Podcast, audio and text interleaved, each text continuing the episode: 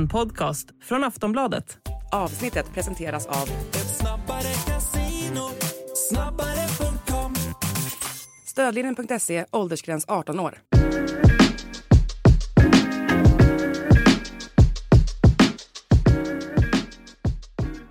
Allsvenska podden är tillbaka och det har spelats eh, premiäromgång så vi ska gå igenom ganska snart. Eh, men först ska jag hälsa Makoto Asahara och Linn Nordström välkomna hit. Tusen Tackar, tack. tackar. Härligt att ha er här. Eh, vi ska, vi går rakt på sak här och eh, på lite breaking news. Det kom precis ett pressmeddelande från AIK som eh, gör gällande att eh, Manuel Lindberg tar en eh, timeout, eller han blir tjänstledig eh, på grund av att han är utarbetad.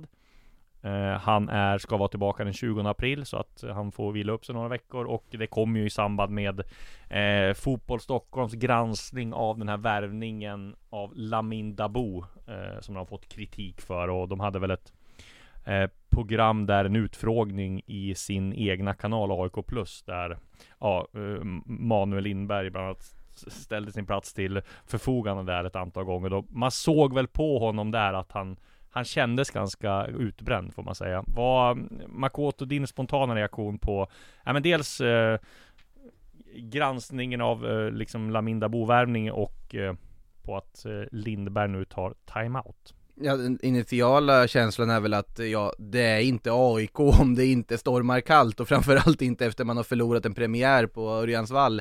Eh, Det är nästan bara i AIK det kan bli så här efter en allsvensk match att eh, man, hamnar i sånt här läge från ingenstans.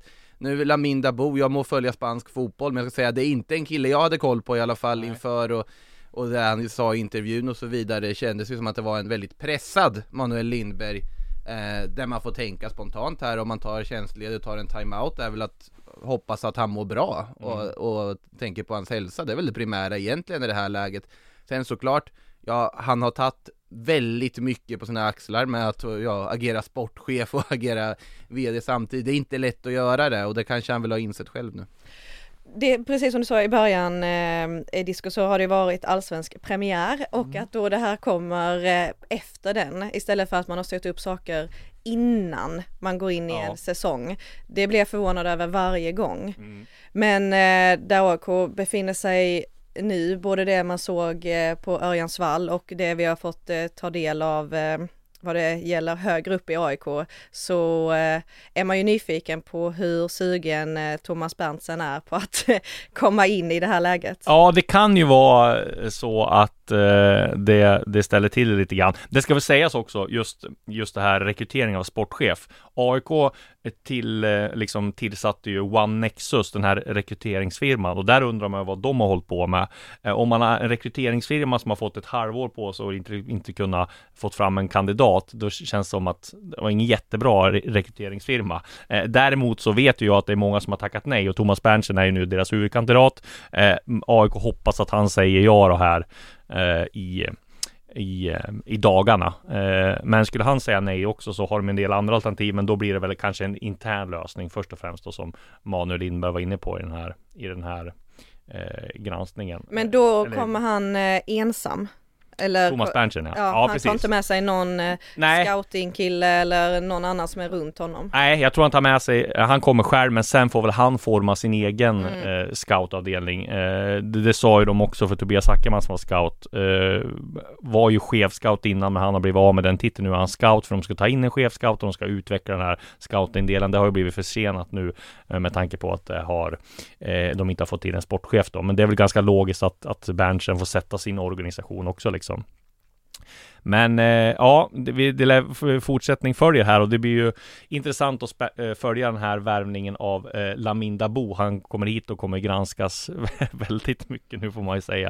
Eh, det, det, ja, det blir intressant att följa om han är eh, så dålig som, som alla tror då. Han kom ju från eh, ja, femte divisionen i Spanien eh, och de hade inte, de tog hit honom på provspel eh, tidigare och eh, sen så skulle de göra klart med honom. Det var någon medicinsk grej som gjorde att det drog ut på tiden och sen så värvar honom nu då på ett femårskontrakt och det är väl det alla reagerar på att man tar hit en helt okänd 16-åring på ett femårskontrakt. Samtidigt så det, det Ingen har ju liksom sett honom spela matcher än, så om ett år kanske han har slagit igenom, eller så är det en total flopp, det vet man ju inte. Sen, nej, det, det är ju liksom överdrivna reaktioner kanske på liksom den här värvningen, men sen är det väl mycket att göra med att det finns väl en kritik mot vissa, vissa drag, till exempel valet att uh, skicka Ceesay till uh, Norrköping var ju inte jätteuppskattat bland AIK-fansen för Nej. att det är en en ung egen spelare som, som man snarare skulle vilja få chansen. Nu tycker jag kanske inte han hade visat tillräckligt mycket tidigare för att alltså, det, det finns en rimlighet i försäljningen också. Ja, men, Men, men samtidigt, det är ju mycket olika små detaljer i allt som har gjort att just den här värvningen granskas i, ja.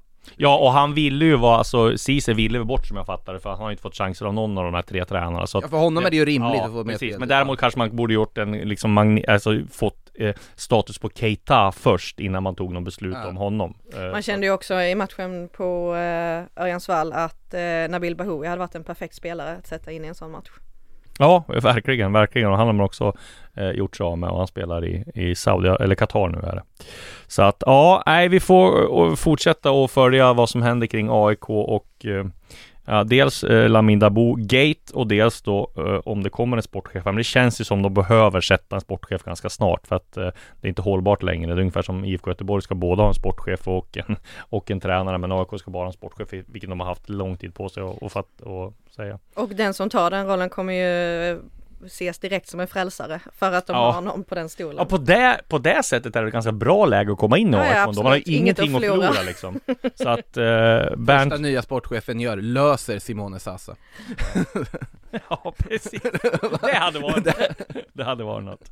Ja, men som sagt, eh, vi eh, lämnar eh, Laminda Bogate där så går vi vidare till premiäromgången eh, och eh, ja, vi- det finns ju hur mycket som helst då att säga om den.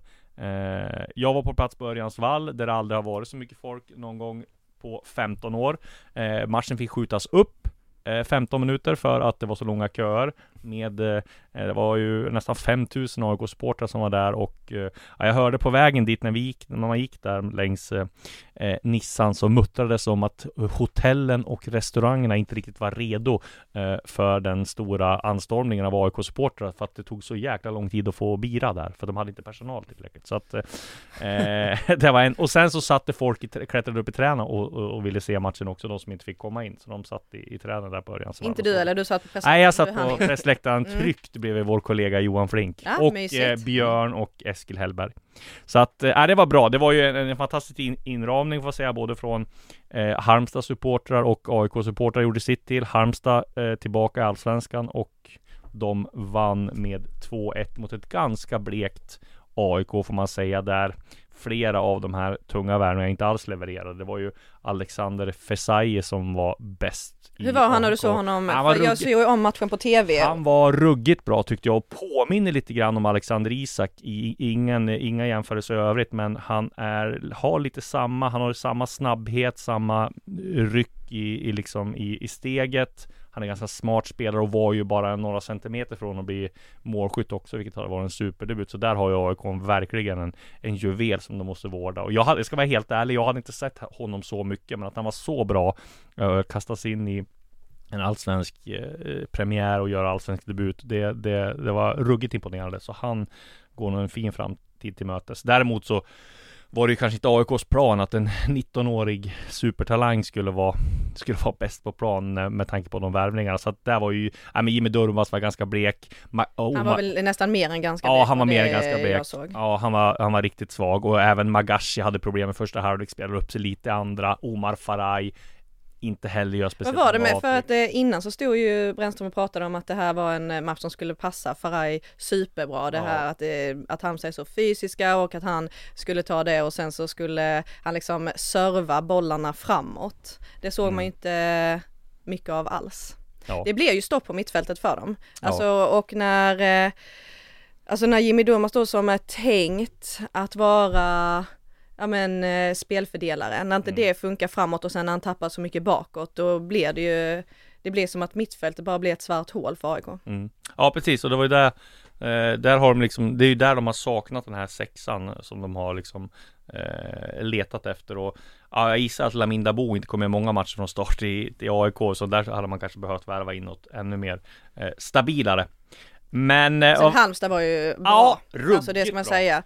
När de eh, kommer liksom eh, med eh, mittfältare som, eh, som mittbackar. Eh, Svedberg sa ju att han hade fått ett samtal 22.00 på, på lördagskvällen. Tjena, du eh, ska flyttas ner imorgon, du, är- du är mittback. Och sen lösa det så eh, bra är ju jätteimponerande. De hade väl fem mittbackar, de saknade Andreas Johansson, hade fått eh, feber där innan eh, Mm. provtjänaren Ja. missade, och så var det Svedberg och Valentin som fick gå in och försöka lappa ihop det. De var kanske glada att John Guidetti bara fick 30 minuter där då, för att det hade väl kanske varit svårt att hantera, men de gör ju en kanonmatch sett i förutsättningarna. Ja, alltså Mm. de eh, sakade, eh, de saknade nästan en hel backlinje.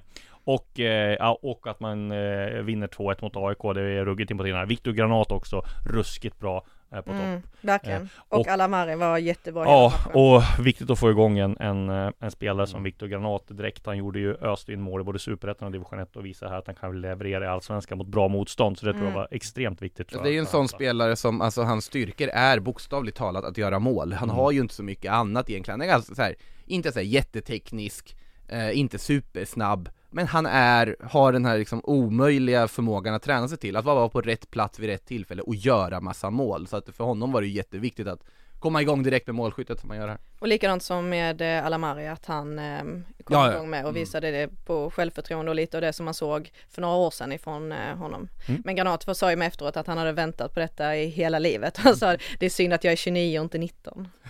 Ja. Om vi går vidare då så den första eh, matchen i den här premiäromgången var ju Malmö FF mot Kalmar där Malmö vann med 1-0 efter att Anders Christiansen fått en straff i duell med Lars Sätra. Vad säger vi om den situationen först? För den har ju blivit väldigt omdiskuterad. Jag förstår inte riktigt varför den blev en sån grej, för jag tycker att det är straff. Ja, Alltså jag tycker att den, det Absolut, Lars Sätra gick ut i ett sorts VAR-förespråkande raseri efteråt och det har varit mycket diskussioner hit och dit eh, Men också så här, även om vi skulle implementera ett VAR, det är ganska säkert att den där straffen hade nog stått kvar För det är ju straff, absolut såklart att AC är väl medveten om vad som sker i den situationen och så vidare men han stoppas fortfarande i ett farligt läge, det är en straff. Det intressantaste i den situationen tyckte jag ju snarare var att det inte var han som slog straffen nej. Och att det var Isak Kiese som fick bollen och avgör den här matchen eh, till Malmös fördel. Jag vet inte om det var för att väcka igång Kiese direkt. Vi pratade ju nyss om Granat, om att målskytte är viktigt i början av säsongen. Mm. Kanske var samma sak man kände här med att få igång Kiese direkt i målprotokollet är viktigt för hela laget. Anders Christiansen vet att han kan sätta straffar och göra mål när som helst. Fast missade ju senast när han själv blev fälld och orsakade straffen i Svenska Så är det ju i och för sig. Eh, fast eh, ja, eh, Kiese Thelin missade ju också då men han, han, han påstår ju att bollen var inne i alla fall. Eh, men eh, alltså AC kommer ju med mycket fart. Mm. Eh, så jag tycker inte Verkligen. heller att det är, eh, att det är konstigt att det, att det blåser straff där och eh, fint av, eh, det är ju Hugo Larsson som sätter igång det anfallet och sen Taha liksom eh, som skickar in bollen så att det var man kan det är svårt att säga att man förtjänar en straff men eh, jag tycker absolut inte att det var fel att blåsa straff där. Ryd, Rydström eh, började i alla fall i stil får man väl säga med sitt, eh, sin laguttagning om man, om man ska dra liksom Pep Guardiola-paralleller som man väl ändå lätt vill göra Att han skickar ut en sån, ja, rent ut sagt galen elva Som han gör med Tahali och Sebastian Anasi som ytterbackar Plötsligt ner på en trebackslinje som ingen förstod hur det gick till Busanello var alldeles strålande som en av tre där som man inte har sett honom vid tidigare Gjorde ju, tog, satte knappt en fot fel. Eh, och sen då med Sergio Peña som någon sorts eh, ja, pivotroll när han sjunker ner där mellan backarna med i uppspelsfasen hela tiden. Han har ju hittat rätt under Rydström också. Verkligen. Det märks, det finns ju en anledning till att han har kritiserat alla andra tränare han har haft i Malmö FF. Nu trivs han ju äntligen, peruanen. Ja. Men Rydström har ju sagt åt så mycket pride i att de ska vara så otroligt svårscoutade i Ja, år. men det, det här var svårscoutat, det här var ju svårscoutat. Det var ju ingen som kunde förutse att de skulle ställa upp på det här sättet. Nej. Flink hade ju i och för sig startat. Jo, han hade Ja, ja, förutsett det. Alltså, han, han hade siat fram den. Ja, exakt.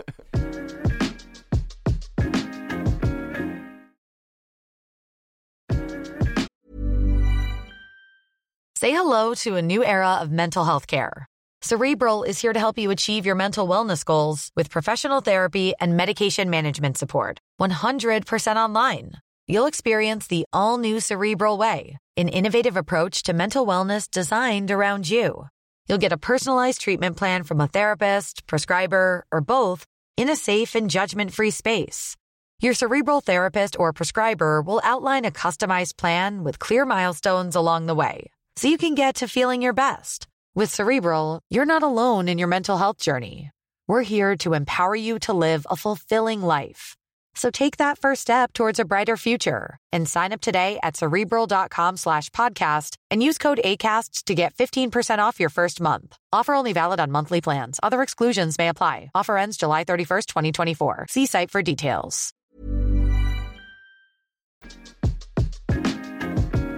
Men eh, det man kan säga då det är att Sergio Penna har ju fått ett ruggigt lyft. Alltså han, var ju, han skulle de ju sälja inför säsongen, men när Rydström kom så, nu hade han hittat helt rätt. Och där man kan säga att bänken är ju ruskigt imponerande med Mustafa Zeidan som kom som ett prestigevärvning eh, förra året och var ju med på januariturnén. Patriot Seidu också på bänken. Eh, du har Martin Olsson också på bänken så att eh, Malmös bredd där de bara ska spela en match i veckan känns ju som att ja, jag tror att den kommer att avgöra till deras fördel när det kommer till SM-guldet i alla fall. Mm, och det brukar vi prata om mycket om hur eh, Malmös tränare ska hålla sina spelare nöjda. Ja. Men om han nu då ska vara svårscoutad och, och överraska alla lagen så kan det ju bli speltid för eh, även de som satt på bänken. Ja precis, och det är väl där Rydström kommer få Det har ju alla han upplevt tidigare Just att han har fått så många stjärnor att hantera och att han ska hålla alla på gott humör Det slapp han ju i Kalmar, det slapp han ju i Sirius på ett helt annat sätt än vad det är Hoppas i Malmö Graham Potter. Ja, precis, precis. Eh, nästa match då som jag också var på var Djurgården BP och där var det väl inget snack egentligen. Djurgården var det absolut bättre laget. De kunde, ha- hade Viktor Edvardsen ställt in siktet där i början på första halvlek eh, så hade de ju ledat med kanske 5-0 i, i paus kändes det som. Men eh, där Oskar Linnér också gjorde en ruggigt bra match för BP. Det tror jag blir viktigt att han kommer bli väldigt bra i. Det, det ska i man väl BP. slänga in om man ska dra någonting om Kalmar innan vi helt lämnar att Friedrich såg ut ungefär som förra säsongen också. Ja. Så att han, det verkar inte vara en one hit wonder på den Nej, säsongen. Det var ju extremt eh, säker tycker jag. Ja. Eh, och eh, BP då såg bleka ut ett, eh, efter 2-0 i, i första halvlek. Däremot tycker man, får man ju 3-0 emot sig ganska tidigt i, i första, eh, eller i andra, eh, där Hampus Sundell gjorde två mål eh, totalt. Och, eh, men sen jobbar man sig in i matchen och man har eh, vissa nyckelspelare borta. Man visar att man kan ändå kan spela rätt, rätt fin fotboll när man väl har bollen. Så jag skulle väl inte säga att ja, de hade kunnat förlora. Det är väl snarare att de hade, kunnat förlora med 7-1 om man ska ta med första halvlek. Men samtidigt tycker jag inte att Jag tycker ändå det finns tendenser i BP's spel där de kan utveckla och bli ganska bra. Andra halvlek framförallt. Ja, andra halvlek framförallt. Men eh, vi pratade ju mycket om eh, Hampus Findell inför säsongen. Ja. Och pratade ju med Bosse i våra allsvenska program hur man skulle eh, hålla Hampus Findell nöjd när man hade värvat in andra spelare på hans eh, position och sen eh, att eh, han ska ju bli såld i sommar, det är väl nästan fastslaget. Ja, det känns. Och då ville ju Bosse att han skulle få speltid och hur det skulle gå med Kim och Tolle, men på det sättet som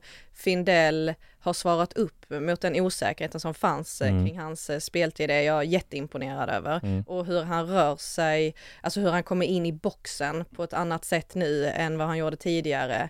Det är, eh, det är verkligen så man ska svara upp när det sätts ett litet frågetecken efter ens namn. Han är ju verkligen den här klassiska, alltså box-to-box spelaren som är så otroligt bra som du nämner Linn på att just hitta rätt lägen in i boxen, komma in i andra vågor. Du behöver ju en sån typ av spelare när du spelar det, den typ av fotboll Djurgården gör med du försöker få in bollen mycket i boxen, du har mycket tryck liksom och så har du Findell där som alltid dyker upp. Så att nej, jag tycker eh, väldigt bra. Det är, det är logiskt att han eh, smyger in sig i målprotokollet, för han hittar ju de där rätt lägena i, i boxen på ett sätt som väldigt få andra spelare i serien ändå gör. Vi måste snacka om Olof Mellbergs utbrott också, där han ville byta domare och skällde ut domaren. Jag vet, jag har ju erfarenhet av det här Olof Mellberg, han har ju ett hett temperament. Det Du fick har ju... inte erfarenhet av att vilja byta ut domare? Nej det har jag inte, Nej, det kanske jag har. Det jag när, när jag spelade någon gång där i division 4 i Medelpad för, för någon gång av länge sedan. Men eh, däremot så eh, Daniel Landskog har ju också en väldigt eh, bra erfarenhet av just Olof Mellberg. Jag kommer ihåg när Landskog var med i landslaget. Det här var typ 2007 eller 2008 De hade en, en träningsmatch i Serbien och, och det var liksom en en, de spelade eh, liksom, eh, ja men 6 mot 6 i kvadraten. Det var liksom god stämning och allt och i, det var liksom ingen hets. Men då eh, fick, eh, vad heter det, Nanskog med sig bollen med handen eh, på det där spelet och, och, och han eh, Liksom, det var ingen så han, han blåste inte av spelet och Mellberg blev vansinnig så hans så räckte han upp handen och så säger Nannskog till Mellberg Nej men kom igen nu, kör nu, det spelar Det ingen roll väldigt Nannskog att säga ja, det nej, nu kör vi! Då, då stannar Mellberg spelet och skriker han typ två centimeter från Nannskogs ansikte Hans är hans! Det ska vara frispark! Och Nannskog bara ser man blir asrädd för Mellberg Så han har ju ett ruggigt hett temperament och det fick ju assisterande domaren här eh, vad heter det, mm, också erfara när eh, Mellberg skäller ut honom och säger att de ska byta domare. Vad, är det, vad, vad säger vi om den reaktionen? Ja men efter eh, Jan Anderssons utbrott förra veckan, då, då har man ju en hög, en, en Mm. hög, hög, hög ribba för att man ska liksom höja på Det var ju ingenting det. Nej, nej. Eh, men eh, ja, han var ju väldigt, väldigt frustrerad och skrek ju väldigt, väldigt eh, nära domaren. Ja. Så att, eh, ja, jag vet inte fan, alltså det är väl klart att det inte är eh, jättebra, men det är en allsvensk premiär och de ligger under och eh, ja, känslor finns.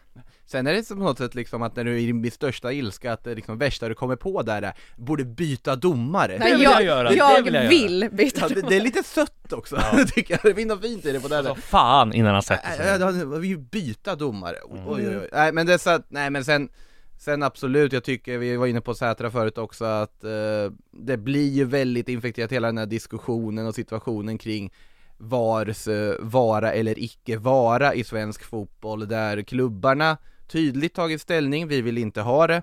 Eh, domarna är ganska tydliga med hur de svarar och så vidare, vi vill ha det.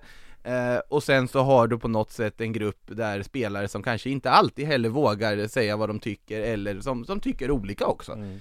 Så att där har du ett problem och sen mitt i det så har du alla de här domardiskussionerna kommer ju bara spä på hela den här debatten kring vars vara Ja, eller icke vara och det, det blir ju på något sätt tröttsamt också men sen vi får ju acceptera att vissa fel görs och det kommer göras fel även om de skulle implementera VAR men det, domare kommer alltid vara en het diskussionspunkt oavsett. Men vad var din känsla, eh, disco på plats, att, eh, att BP, var de nervösa eller var Nej, det var att Djurgården var ruggigt bra och att Magnus BP Eriksson var BP otrolig första Ja, halvlek? och BP kanske var lite för naiva där i början och sen ah, Linnér gör ju en jättematch Alltså det gick helt som förväntat Jag trodde, sa inför att jag trodde både att Djurgården och Hammarby skulle vinna med 3-4-0 eh, Och det blev 3-1 till båda så att det var väl rätt väntat ändå Ja, den räddningen han gör där på Edvardsen Ja. eh, som sen leder till, eh, till målet var ju otrolig. Ja Så att, ja men planenligt för Djurgården och eh, ja BP får väl nö- vara nöjd med Linnérs eh, insats i alla fall Wikheim ska ju lyftas också tycker jag som, Verkligen. Ja, som fick chansen före Asoro och det vart ju också en diskussion Mm. med eh, när Joel Asoro då inte fick chansen från start. precis Och sen efteråt så sa han att han inte har fått någon förklaring Och eh, Bosse Andersson blev vansinnig för att han har fått en förklaring och säger att Djurgården tar avstånd från Asoros uttalande. Och tänkte man så här, man läste det först bara, vad, vad har Asoro gjort? Har han liksom kritiserat någon lagkamrat? Eller har han liksom Det var liksom, kändes som en ruggig överreaktion också från Ja, sen, sen är det så här, förklaringen såg du på plan på att Gustav Wikheim var Ja. formstarkare och gör Ja, poäng exakt. och de, de konkurrerar om samma position. Båda de kommer få gott om spel till den här säsongen, finns ingen anledning att oroa sig där tror jag. Nej eh, Kort då, eh, IFK Norrköping 1-1 mot eh, Sirius på hemmaplan. Eh, helt fantastiskt, det, det glömde vi säga, helt fantastiska tifon har det varit.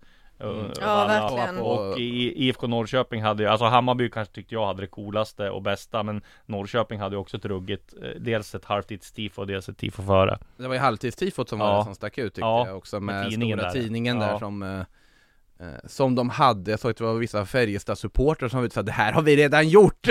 När de hade satt någon tidning i någon SHL-hall någon gång Ja, Men eh, det, det var ju ett jättehäftigt tifo, det, det är ju det är bara liksom hatten av till alla som Ja. har jobbat stenhårt inför de här premiärerna på alla arenor egentligen Mm. med att fixa ihop de här de här extrema konststyckena som de har eh, presenterat för oss under premiären. Du som har lite örat mot rälsen i, i Norrköping, hur går eh, snacket?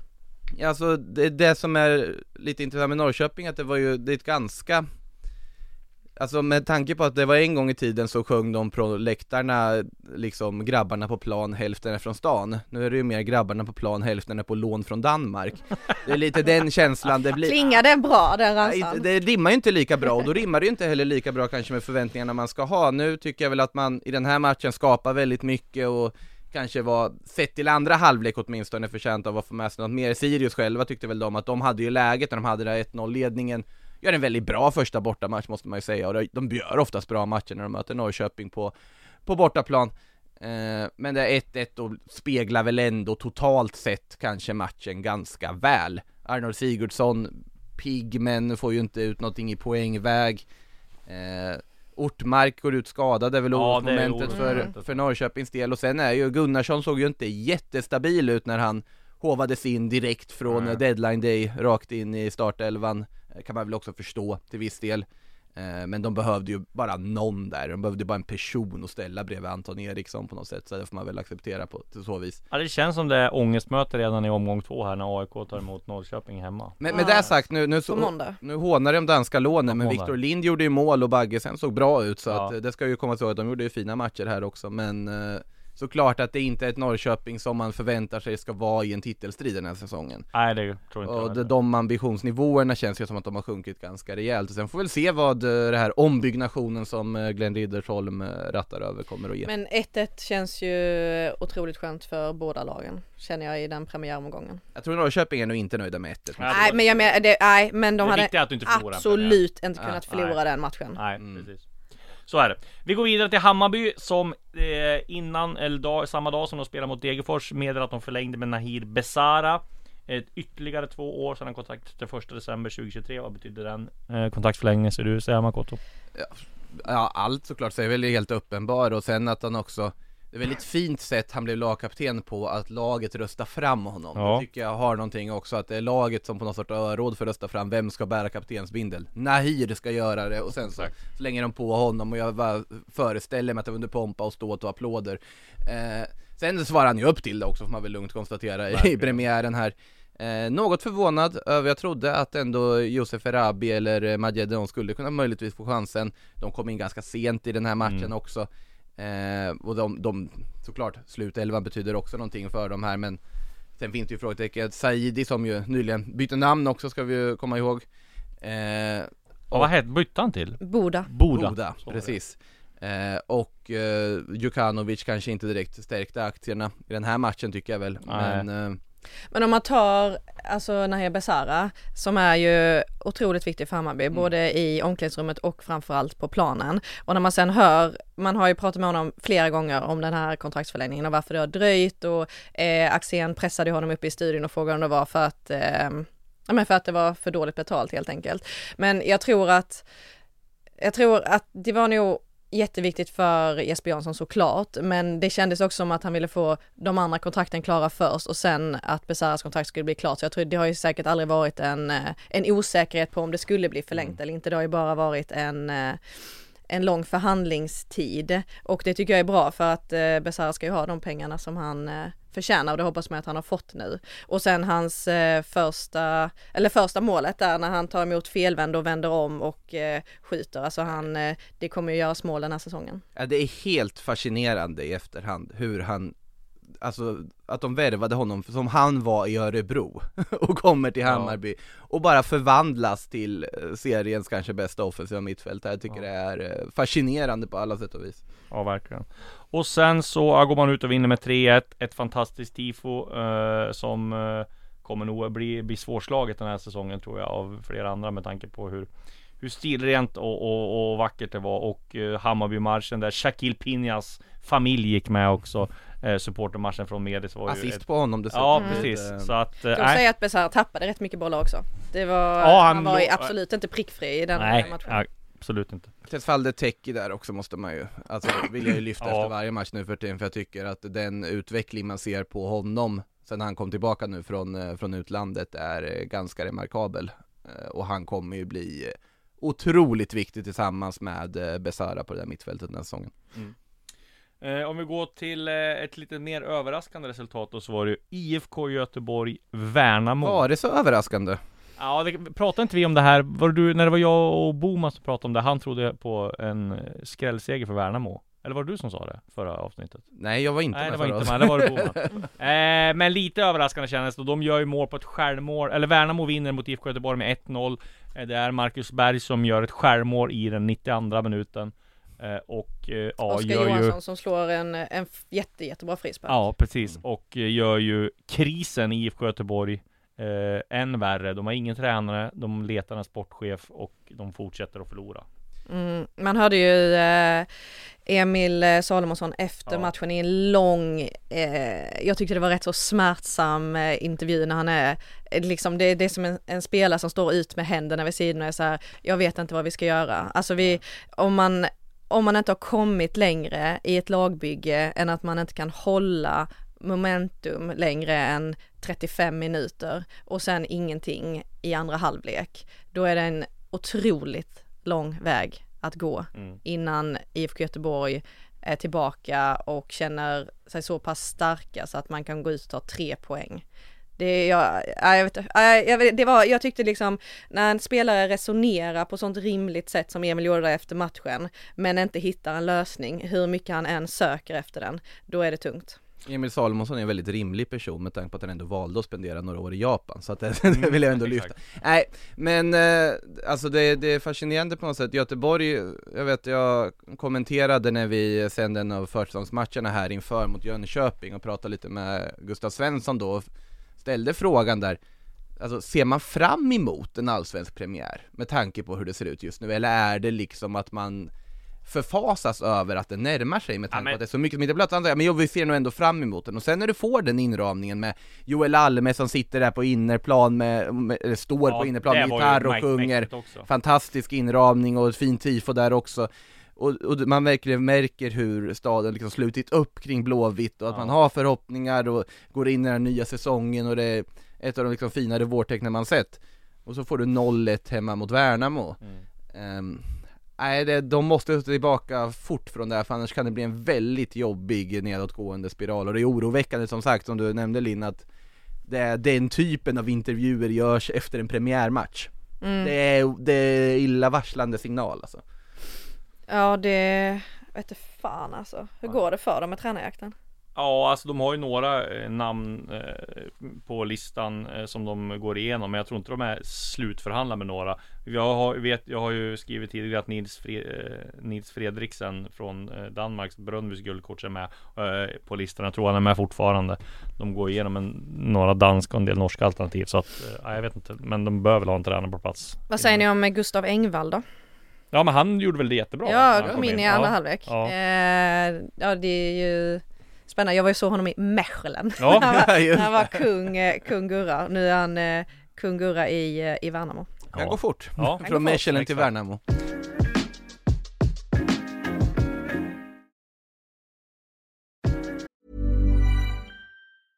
This is Paige, the co-host of Giggly Squad, and I want to tell you about a company that I've been loving, Olive and June. Olive and June gives you everything that you need for a salon quality manicure in one box. And if you break it down, it really comes out to $2 a manicure, which is absolutely insane. It's also so easy to get salon worthy nails at home with Olive and June. The difference between how your nails used to look when you did them yourself and now with the Manny system is a complete game changer. The best thing about Olive and June too is it's a quick dry. Dries in about one minute, lasts for five days, and full coverage in up to one to two coats. Visit oliveandjune.com slash perfect manny 20 for 20% off your first system. That's oliveandjune.com slash perfect manny 20 for 20% off your first system them.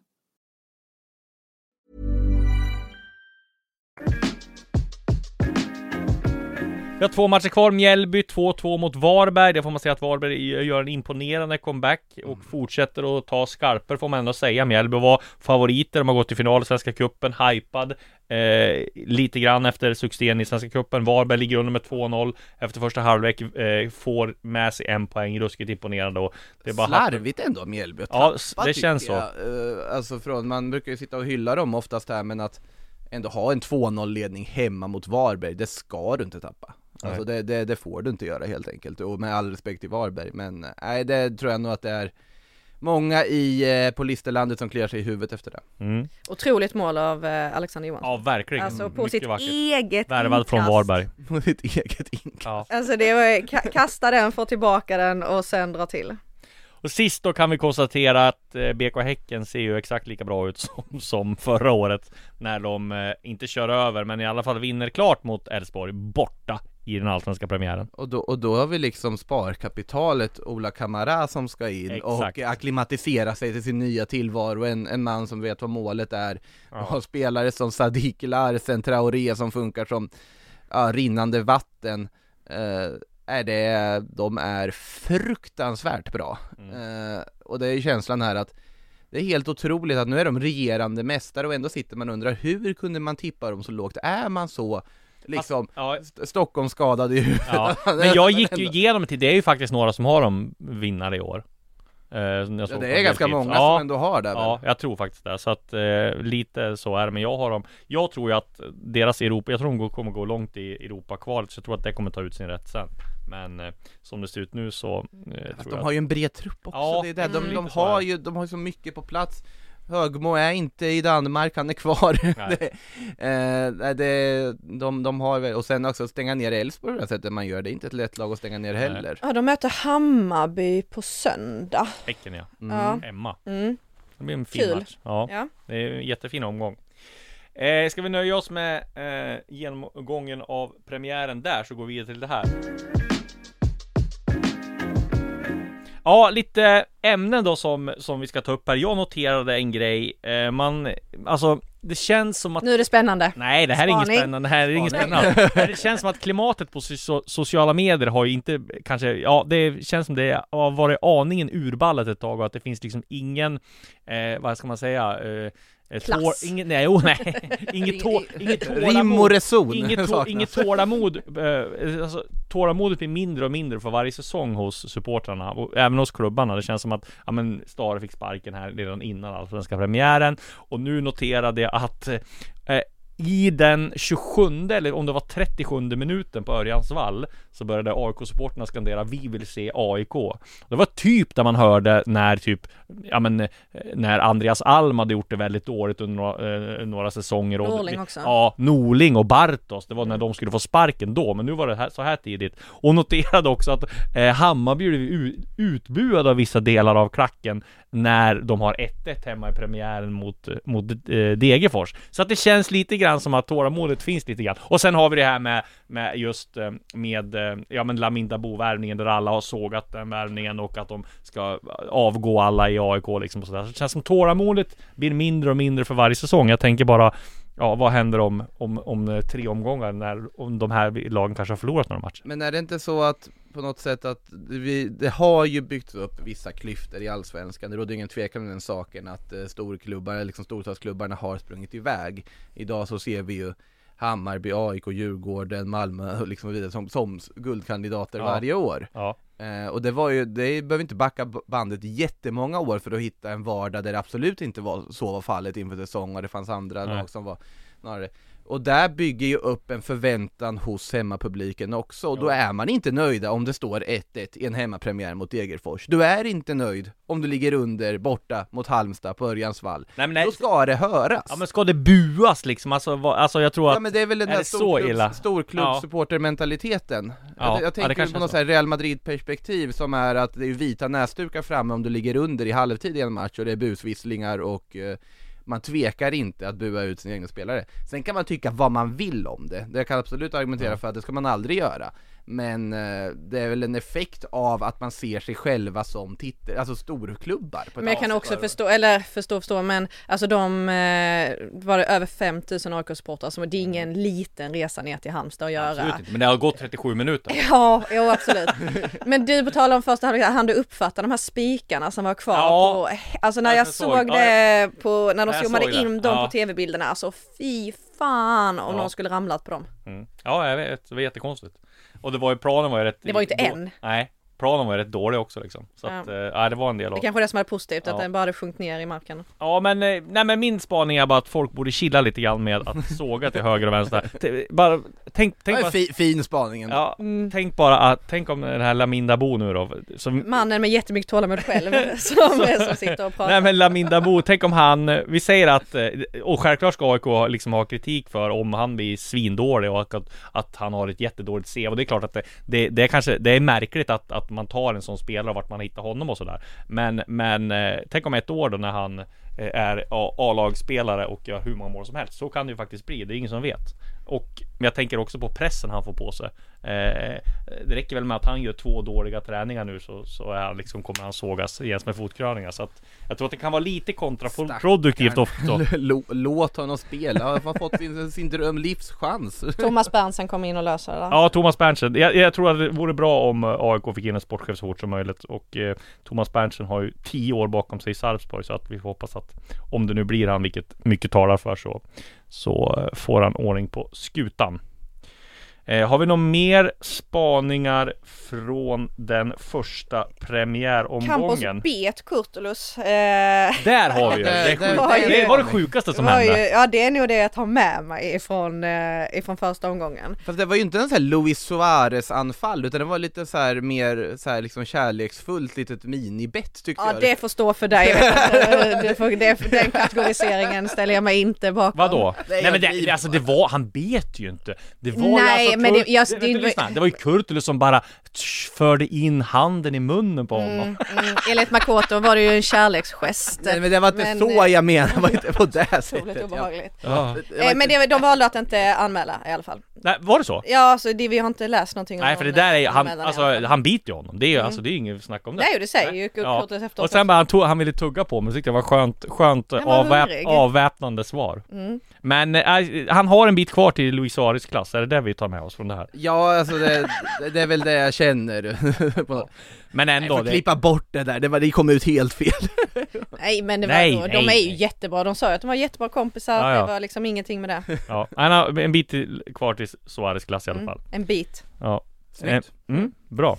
Du, ska vi nöja oss där? Nej, vi måste ju ta det också. Det, det som är ännu mer eh, sjukt. Det är att Magnus Eriksson kan straffas för att han har firat eh, segern mot, Med Frans. med Frans med sin son. Vad är, det, vad är det som pågår? Eh, ja, att man fokuserar på fel saker Ja, det får man- det får är man väl, Det är väl lugnt konstaterat, det, alltså Det är bara att läsa vad Magnus Eriksson säger om det, tycker Mm. jag stämmer ganska väl överens, alltså Det, det är såklart att det inte finns något, alltså det betyder jättemycket för spelare, det betyder jättemycket för barnet att få delaktiga. Såklart att det där är inte någonting som ska straffas. Nej. Nej, det känns enkelt, jättekonstigt. Men vad ser vi fram emot mest då i nästa omgång nu? Ja, det finns, det är ju När jag tittade snabbt där fanns det ju hur jä- det var ju som en Alltså Göteborg jävla åker till Kalmar, det, det, tror, det vinner de inte tror jag. Eh, det är också en ruggigt eh, intressant match. Du har Häcken mot Hammarby, eh, ett eh, toppmöte mellan två guldkandidater. Du har ångestmötet mellan AIK Ja och det kommer bli Norrköping. så jävla, där ska jag.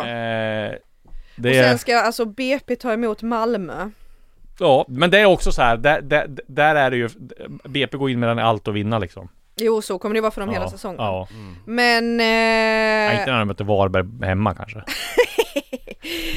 ja så är det Degerfors Halmstad men eh, att eh, AIK ska möta Norrköping. Ja, det blir som Det sagt. blir väldigt intressant att Ja. se Eh, viktigt för Kalmar att ta tillbaka också hemma mot eh, Göteborg får man väl säga här också. Jag tyckte ändå de, de stod upp väldigt bra mot, eh, mot Malmö. Mm. Eh, och nu har de ju, får man säga, att de är lite förhandsfavorit hemma mot eh, IFK Göteborg. Påsken ändå. är räddad i alla fall, schemat är satt. Ja, Det finns saker att göra. Så är det. och vi kommer ha väldigt mycket att prata om när vi är tillbaka om en vecka. På återhörande då. Yes. Du har lyssnat på en podcast från Aftonbladet. Ansvarig utgivare är Lena K Samuelsson.